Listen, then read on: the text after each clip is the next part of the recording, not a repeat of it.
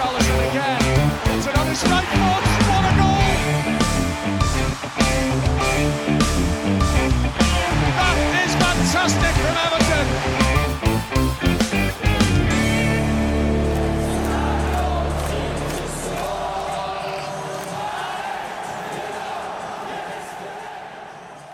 Hjertelig velkommen til en uh, meget spesiell episode av eh, Goodison Roar.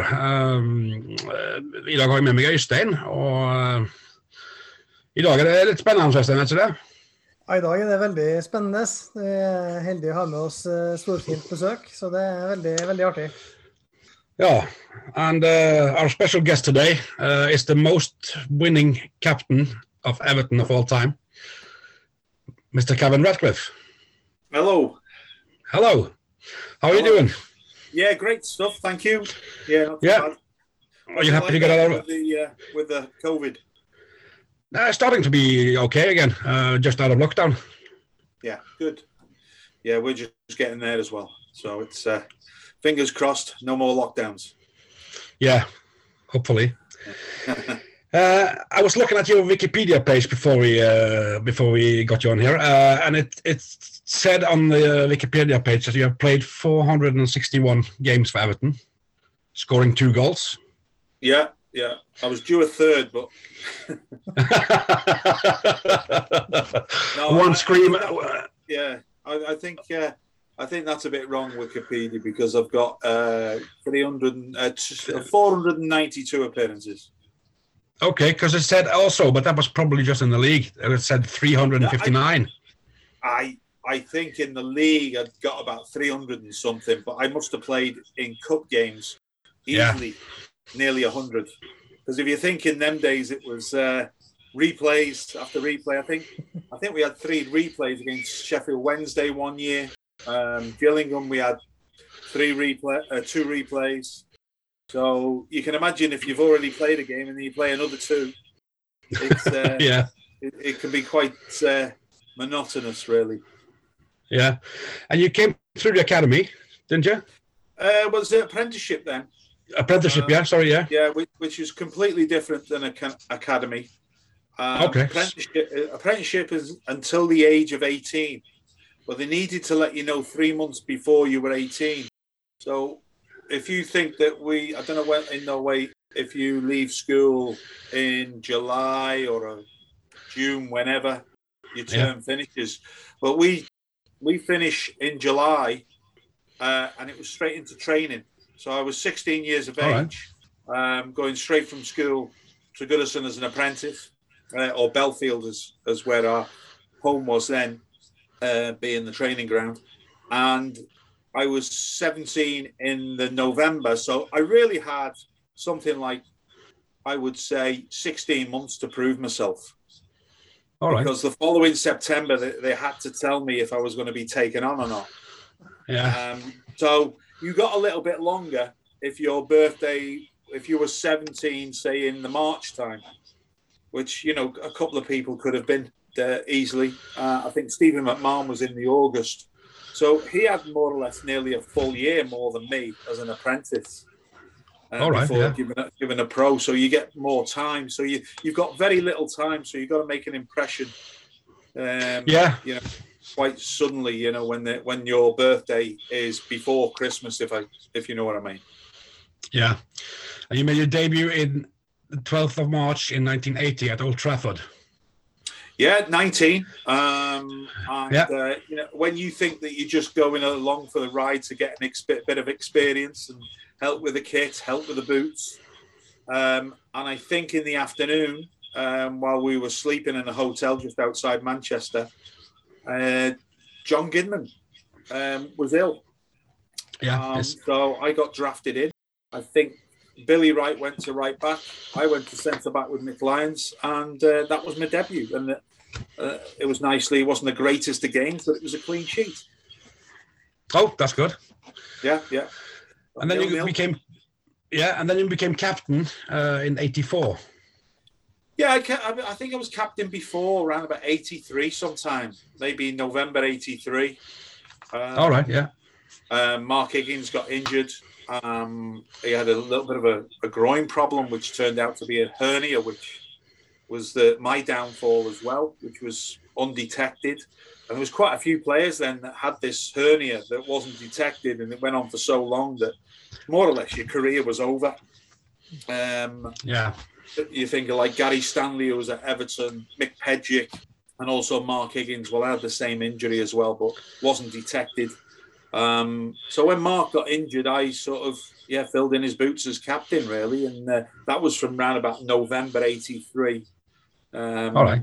Uh, well, I think it was even before that. Well, was, I was 23 when we lifted the cup, so I think I got my first captaincy when I was about 22. All right. That, that's quite young.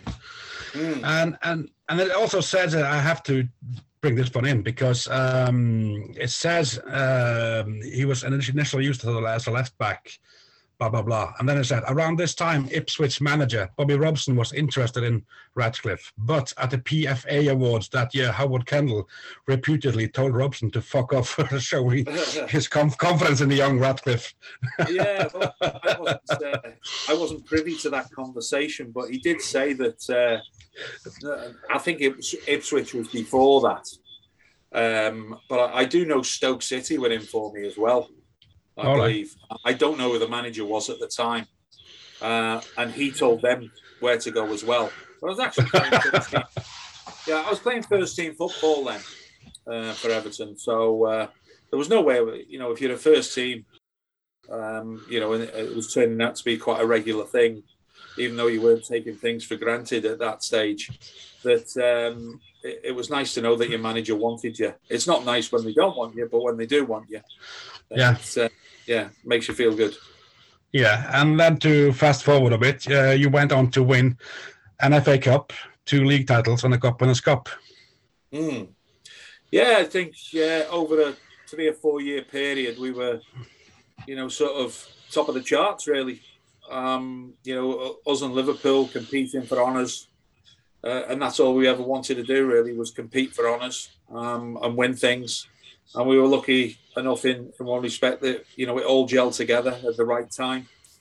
And, and what a great era to play uh, soccer in. You know, it was uh, the '80s was a fantastic time uh, for us. It wasn't such a fantastic time for the um, the normal human being uh, who was out working, trying to earn a coin, uh, because you know there was all sorts. There was a miners' strike on. There was a depression.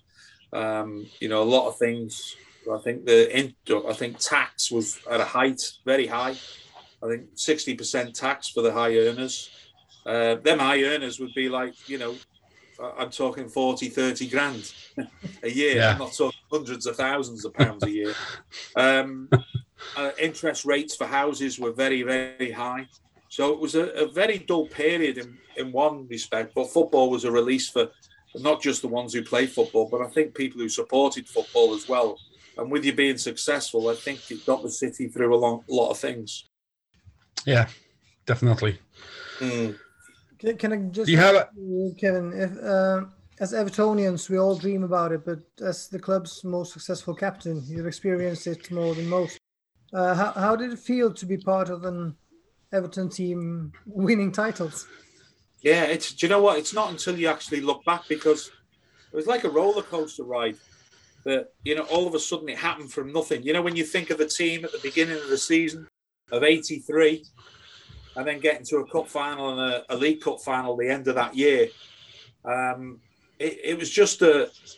It's just a a great feeling to be involved in this roller coaster ride that was just sort of propelling forward, and you didn't think it was going to stop. If you know what I mean, it, it, just kept going and going. It did.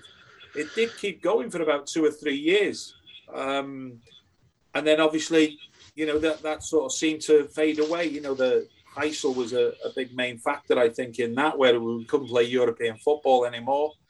So we lost the whole of our right hand side with Gary Stevens and Trevor Stevens. Uh, the manager left in the end, Howard Kendall. Um, and then I think, you know, recruitment wasn't the greatest. Um, and if you very similar to these days, the recruitment's not been very good. And uh, yeah, it was, you know, it, it's very hard when you've got top, top class players to replace them. Uh, I don't think that we actually replaced them top top players. Very hard to replace Gary Stevens and Trevor Stevens, who were, you know, England internationals. But I think Gary played something like 49 times for England in the end. I don't know how many Trevor played, but he should have got a lot more than what he did because he was most probably a, a, top, one of the greatest outfield players that I've played with. Um, Peter Reid coming to the end of his career uh, wasn't replaced. And when you think the players that were brought in, you know, Peter Reid was still good enough when he was they were bringing midfield players in that were supposed to be there to replace him. But we got rid of him.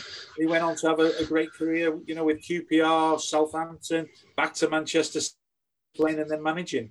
Um, yeah, it was it was uh, it was one of them. Like I say, it was it was great to be involved in, but it just happened like that. You know, a, a click of a finger, and all of a sudden, Howard seems to have found the, the formula. Really, was a success, and I think he'd been trying for a while. And I just think that formula was the midfield, the centre pairing of midfield that he didn't quite find early on. Uh, and then when he did, and I think it's a little bit of fortune as well that you know that how it happened. Um, Peter Reid not playing regular. We're playing at home against Stoke in the League Cup, and uh, he brings on Peter. And I don't think Peter looked back after coming on in that game. We were losing 1 0, and we ended up winning it 2 1 with a last minute goal.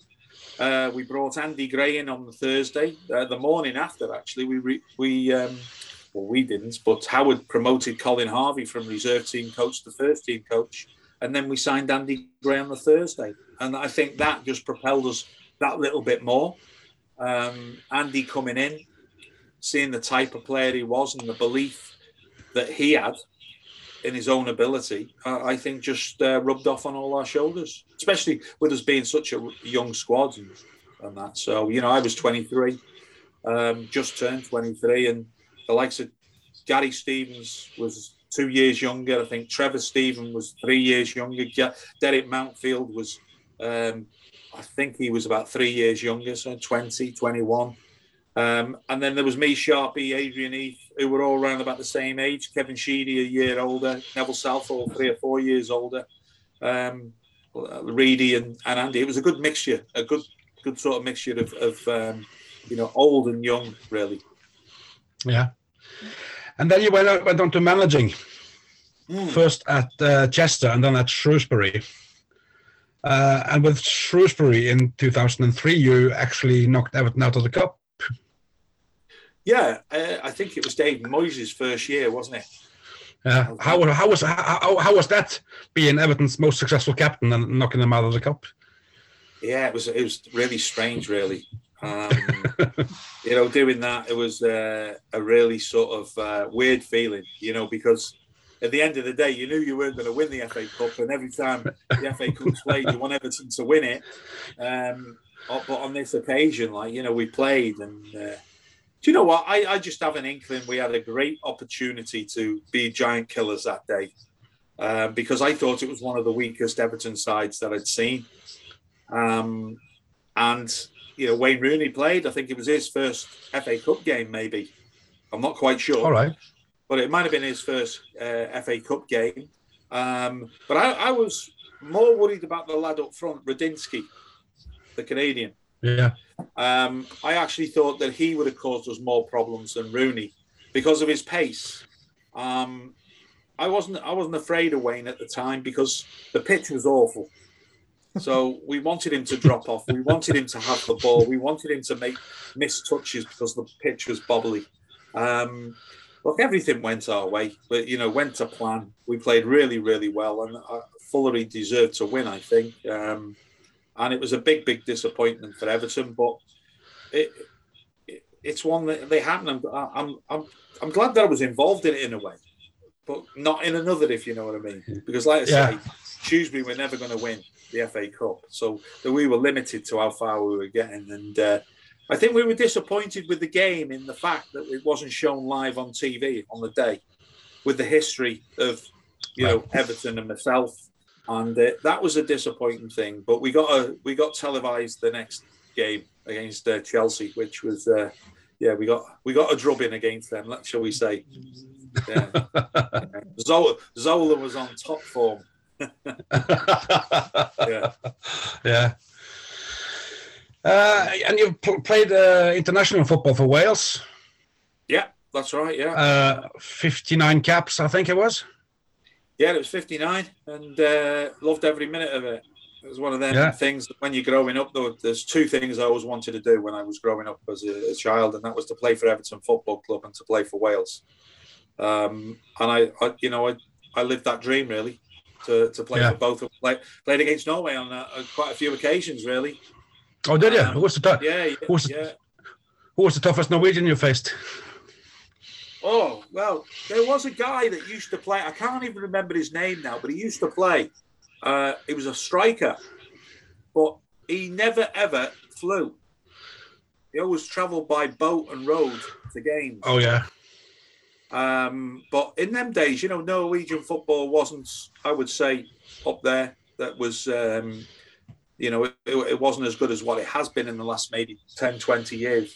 But they were always very, very tough. Um, I would say very organised, um, a bit direct. I, it was the guy that used to play for him. I think he managed them as well. Played for Manchester City. The yeah, Hareide. yeah, that's him. Yeah, and then Yeah. uh, we had um, oh, what was the guy that come to Everton? Oh, Thomas he Müller. he- No, no, No, no, no, of Rehn. not. Rehn, Stefan Rehn. Yeah. Yeah. Stefan Rehn.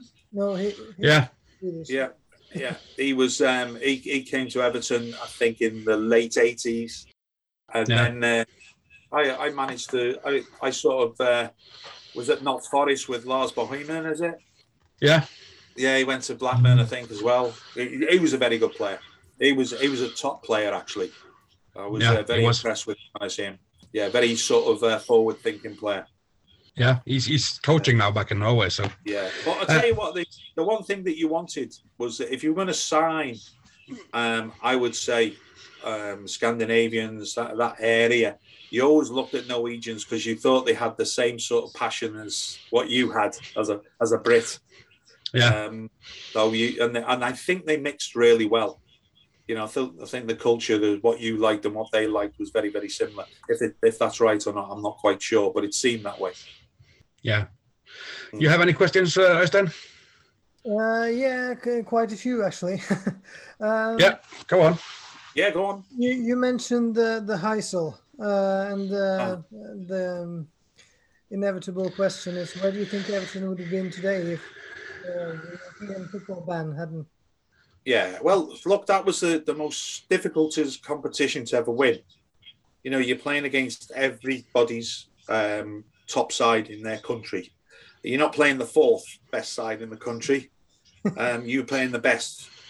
And um, we had a great chance. But in that competition, then you could only make one mistake. If you made that one mistake, you were out of that competition. Um, these days now you can play in that competition which is restructured to a league and afford to lose games. You know you Yeah. can afford to win every home game um, and lose an away game. You you couldn't afford to go to hungary or you know russia uh, romania and you know lose a game. Because when they come over to here they would shut up shop. There would be a brick wall there for you to break down. And uh, yeah it was it was a difficult competition. One, yes, we thought we could win, um, but you never know with injuries and everything. It's always ifs and buts, isn't it? But we had a Yeah, we had a squad, and I think it. Do you know what? If I I think if the European Cup was still there through the 80s and through the 90s that we could have competed for, I think Everton would have been a, a, a very strong club in a better position. Uh, because I think after that, uh, I think we got left behind. I think we we struggled to maintain uh, anything. We lost our best players, and I think we suffered more than most from the Heysel. Uh, along with Liverpool, I think they suffered as well. Um, but most British clubs suffered. But I think as two clubs from the same city, I think we suffered more. Yeah. What, what I don't think we've ever recovered. You know, I think it's only in the last couple of years that we've uh, recovered. You know, if you think financially, you know, it's only since Yeah. Mr. Moshiri has come in that we've actually had money to spend and then big money. You know. Yeah, and Yeah. About, about that, uh, there's a lot going on these days with the new stadium and Carlo and Marcel Brands uh, targeting the Champions League. Uh, What's your view on Everton's situation in the near future? Um, well, we're far we're far from the Champions League, I think, at the moment. Um, you know, I think we've improved.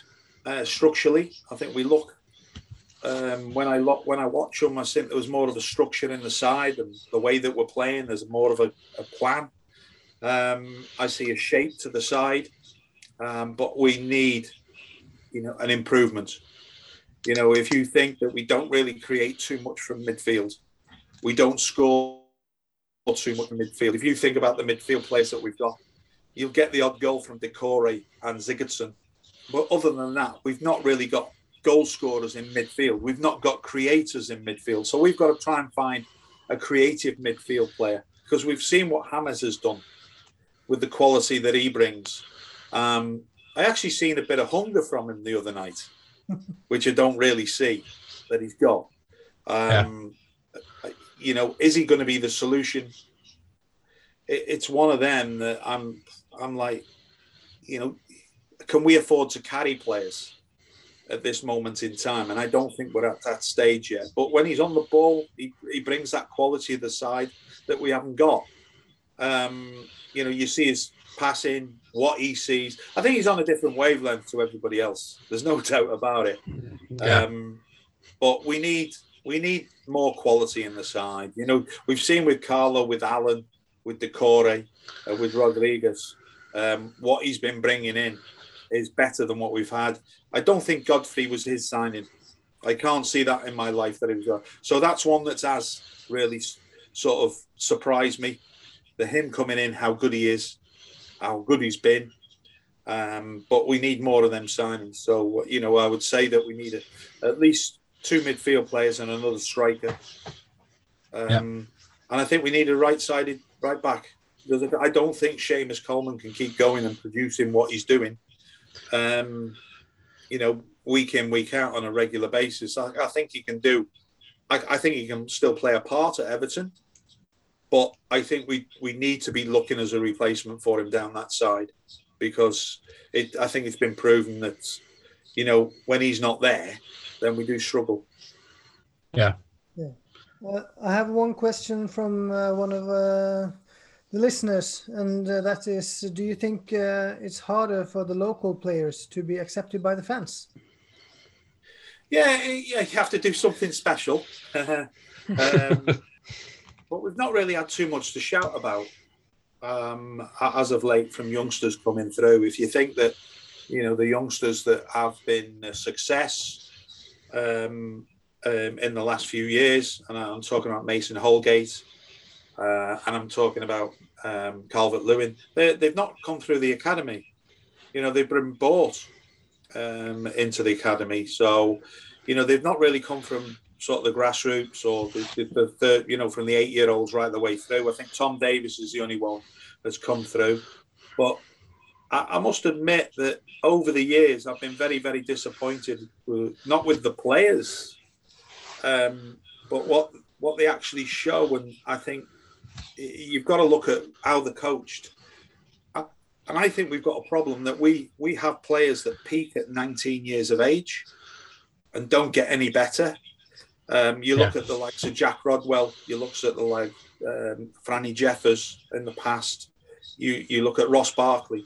I think he's actually re- improved since he's left Everton, but yeah. he wasn't improving at Everton under Ronald Koeman. Um, but then again, you've got to be you've got to be loved, haven't you? And I think that's one of the, the reasons that he left. That he realised that he wasn't well, I wouldn't say loved, but liked by yeah. Ronald Um, and I think sometimes these managers, when they get 19 year olds, are they prepared to stay behind and work with them a little bit more? Because it's you know you don't know everything at 19. You've still got a long way to go, and I think we've been very like vulnerable in that area. Whereas we've you know we've got these players. You, you see Tom Davies when he comes through, and he, I think he was 18, and he's now 23, 24. And I don't think he's any better than when he was when he was 18, 19. Yeah. Um, so, you know, that that's a big problem we've got. Um, I think we get carried away with the 23s, that we've got a, a great 23, we get great results and everything, but where are they? Yeah. You know, where are they? Where where are they? And then all of a sudden, these players are 24. You know, Broadbent is, is 23 years of age. He's not 19. Yeah. I know. It's a long, it's a long time to be at a football club. They'll be getting a testimonial soon without playing any games. yeah, I know what you're saying. Yeah, Uh, and so we- we- we- we had- look- something's got to Yeah. it. You know that Yeah. because that, that's not just happening now. That's been happening for a long time. I would say, you know, that that's over the last twenty years that you you Um, think about. The, the only the only two that you can actually think of that's had a long career at Everton coming through academies is is Leon Osman and, and Tony Hibbert. Yeah.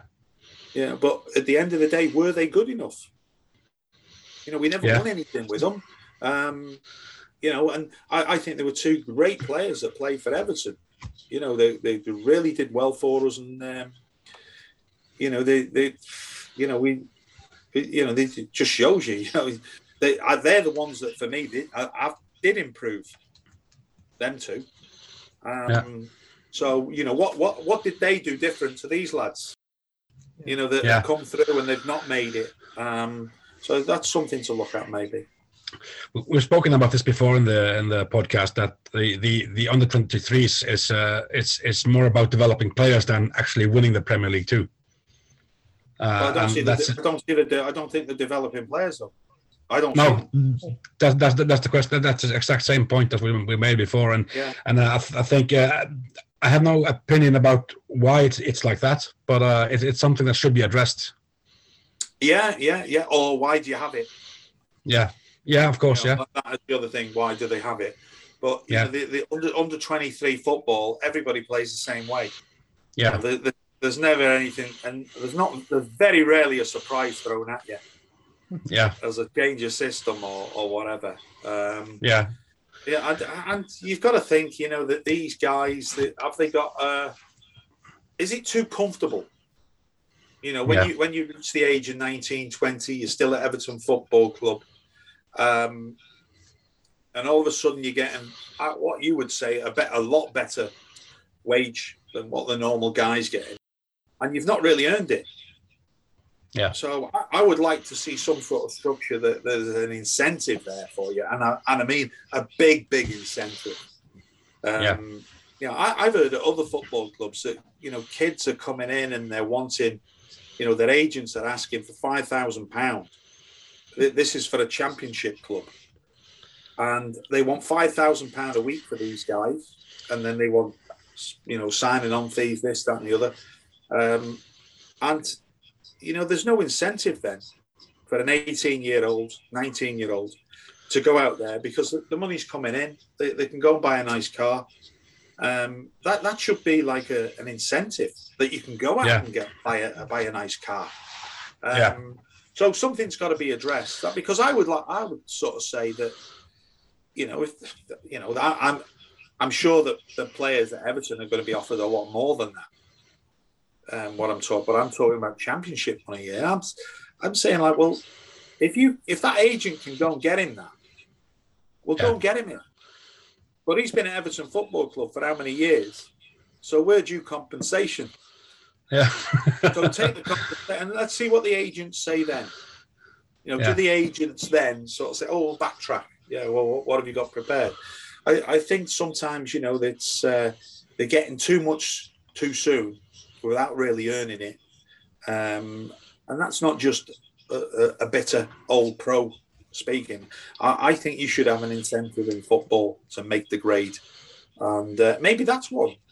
You know, Yeah, you, yeah. you can't be a, you know, you can't be at a football club for you know on the professional side, not the academy side, but on the professional side for five to ten years, earning good money and not really getting any appearances for the football club. You know, for me, that is that that's not a development. That's not Yeah. a development. I agree with you. Uh, and we, we're getting towards the end here now, but we have to speak a little bit about the um, the news that came the other day uh, about the Super League. Uh-huh. Uh, first and first of all, what, what's your opinion on that? It really, really scares me, really, to think that something like this can go on. I think it's the way that it's been conducted behind everybody else's back, even Premier League clubs. You know, you're Yeah. talking of the other sort of 14, is it 14, whatever clubs. Um, you know, the, the talking behind their backs, and they're, they're as surprised as everybody else. But I think what they're trying to do, by the looks of it, is throw it onto the players. Um, Yeah. Because obviously they're saying the players can't play in the World Cup and the Euros. Um, and I, I'm thinking, well, they're trying to throw it onto. It's not the players' fault. It's the No, no. club Yeah. you know um uh, so I, I would i would say that you know maybe they're looking at the wrong way to sort of uh you know what what's the player got to do i mean if he's being paid by the football club if he's getting a hundred you know these clubs you're talking about these these players are on a hundred grand a week so Yeah. what's the player going to turn around and say no i'm not playing in it but i won't pay him Yeah. so I, I think that was a bit unfair that they've actually thrown it back into the players' faces. Um, if if UEFA are, are strong enough, big enough, they should be doing something to the clubs right now. You know, Yeah. they, there should be a fine. There should be, I would say, what a fine or points deducted um, for you know trying to create something that you can't get relegated from. Wow. All of a sudden they're, they're saying that they're actually saying that they're putting this together because football's become boring. How boring would it be if you're not playing for anything? yeah, Uh, exactly. yeah, No, Yeah, no consequences. no, exactly. And I, I don't know which way it's going to go. I don't know who's behind this, uh, where they're going to get the money from to actually support it because they're, they're talking about billions, not Yeah. millions. They're talking about billions. So who's who's the people behind this? The sponsors. Yeah, Um, but you, you'll notice that most of the clubs that are involved in it, uh, especially in Britain, they're all foreign owned. You know, you got the Glazers, um, and then you've got the guys from from Liverpool. Um, but who govern that these are the top six clubs? yeah, When actually Leicester have won more than Tottenham in the last twenty years. Yeah. you know, so exactly. I, I, I, that's a kick in the teeth. That is an Yeah. absolute kick in the teeth, and it's a it's um it's a spoiler for our game. Um, I think you know you guys have been brought up with the the old uh, sort of uh, first division and now the Premier League. You've been brought up with it, and you realise how important it is um, to the whole structure uh, of football in Britain. You know, right the way through. I mean, uh, I don't think we feed the, the lesser clubs uh, as much as what they, we should be doing. Um, you know, it's it's a tall order, and in, in these difficult times. Um, but you look at the clubs that have um, have got involved in it, and I would say the two Spanish clubs, especially in Real Madrid and Barcelona, they're in debt, massive debt, and they're looking to recoup it. Just like Liverpool, they're in debt. You know, if they weren't, why didn't they buy anybody in the Jan- January transfer window when it was most needed?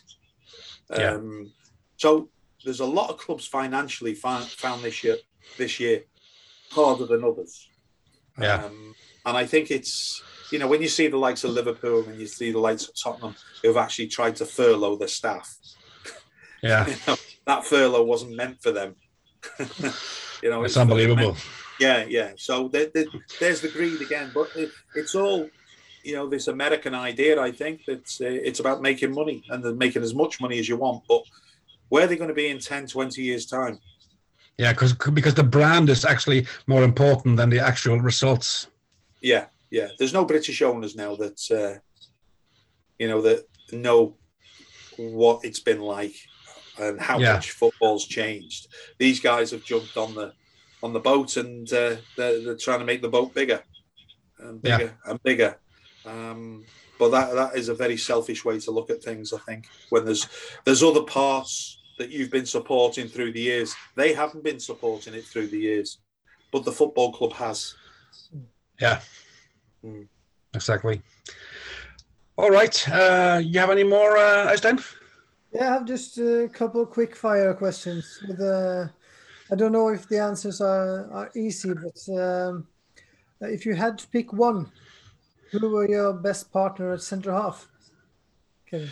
Phew. Uh, well, I see. This is I, I'll, go, I'll go back to the under twenty threes now, right? Because I learned my trade through what I think was one of the best centre halves I'd seen play for Everton, um, and that was Roger Kenyon.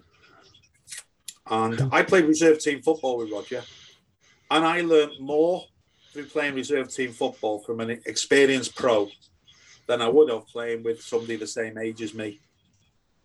Uh, and I think that's where we've gone wrong with the 23s. And I think not just our 23s, but everybody, that you don't get first team players playing with kids so they can actually yeah. bring them on. And that, that was so important. But Roger Kenyon was a fantastic partner for me when I was growing up. Um, Dave and Derek, uh, Dave Watson, that is, and, and Derek. Um, I think the longevity of Dave Watson proved that he was a great player.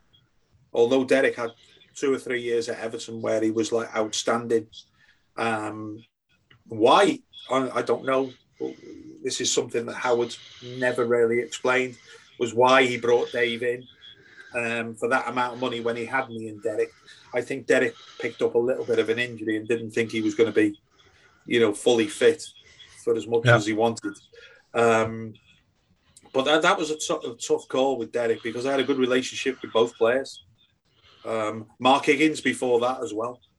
Um, yeah. The guy that I played, that played that I played with, that I, you know, sort of that type of player suited me. You know, a more dominant centre half, and I'd be able to sort of cover up behind uh, any little mistakes or whatever. Um, they, they suited me. The, them players did suit me. You know, from Roger Kenyon, Mick Lyons, uh, Dave Watson, and uh, Derek Mountfield. They were all very, you know, direct centre halves, the old type of centre half, uh, but could play a bit as well because yeah. had to because that's what we did in training. You know, the the, the training was all about playing with the ball. Um, yeah. So, yeah. It's a tough question, very tough question. That. Yeah. yeah. I have, I have, one last question that I, I'm, I'm actually got sent on a on a on a text. Who's the funniest teammate you had? Oh, John Bailey. no, no, doubt about it. You know, he was a he was he was very funny from the moment you went in until the, the moment you went. Do you know he's one one of them guys that you would never get fed up of in the changing room. I, have met right. some funny, funny, guys and night uh, guys in the you know in playing and everything, but there's some of them you couldn't wait to get away from them. You know, enough was enough, but the, this guy was so funny. Um, and a, even a great part of the, the setup when uh, when he retired from playing from football. Yeah. All right, that's all we got time for. Uh, I see the clock right. is ticking. Uh, uh, thanks for joining us, uh, by the way. No problem. Did you get over much to watch us? To watch uh, we, we, yeah, we try as much as we can, but obviously with the lockdown, we had to cancel the last trips now. So um, yeah, next year. Looking forward to get. Yeah, yeah, looking forward to get over again. All right then. Yeah. Might catch All right. up with you then. All right. catch up with you. Cheers. Bye bye. Cheers. Cheers now. Bye.